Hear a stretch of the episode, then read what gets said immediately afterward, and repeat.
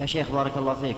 إذا دخل إنسان مسافر مع ناس مقيمون فصلى معهم الظهر مثلا ركعتين ثم قام ليصلي العصر ركعتين ثم علم بالحكم بالحكم أنه يلزم أن يصلي مع المقيمين أربع ركعات.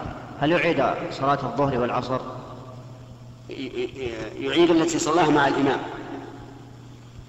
يعيد يعيد التي صلاها مع الإمام أربعا. لأن من دخل مع إمام يتم لزمه الإتمام سواء أدرك الصلاة من أولها أو أدرك الركعتين الأخيرتين. أما صلاة العصر إذا كان صلاها مع مع غير الإمام ركعتين فلا يعيد. لا ما يعيد ما دام صلاها وحده. أولى. السؤال صلاها وحده ولا لا؟ طيب إذا لا يعيدها لأن وقعت صحيحة.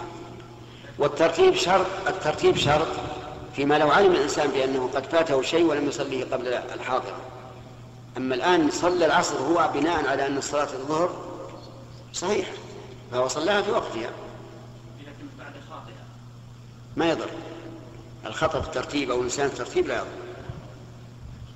السؤال الأخير يا شيخ نسأله اسأل اسأل اسأل. بارك الله فيك.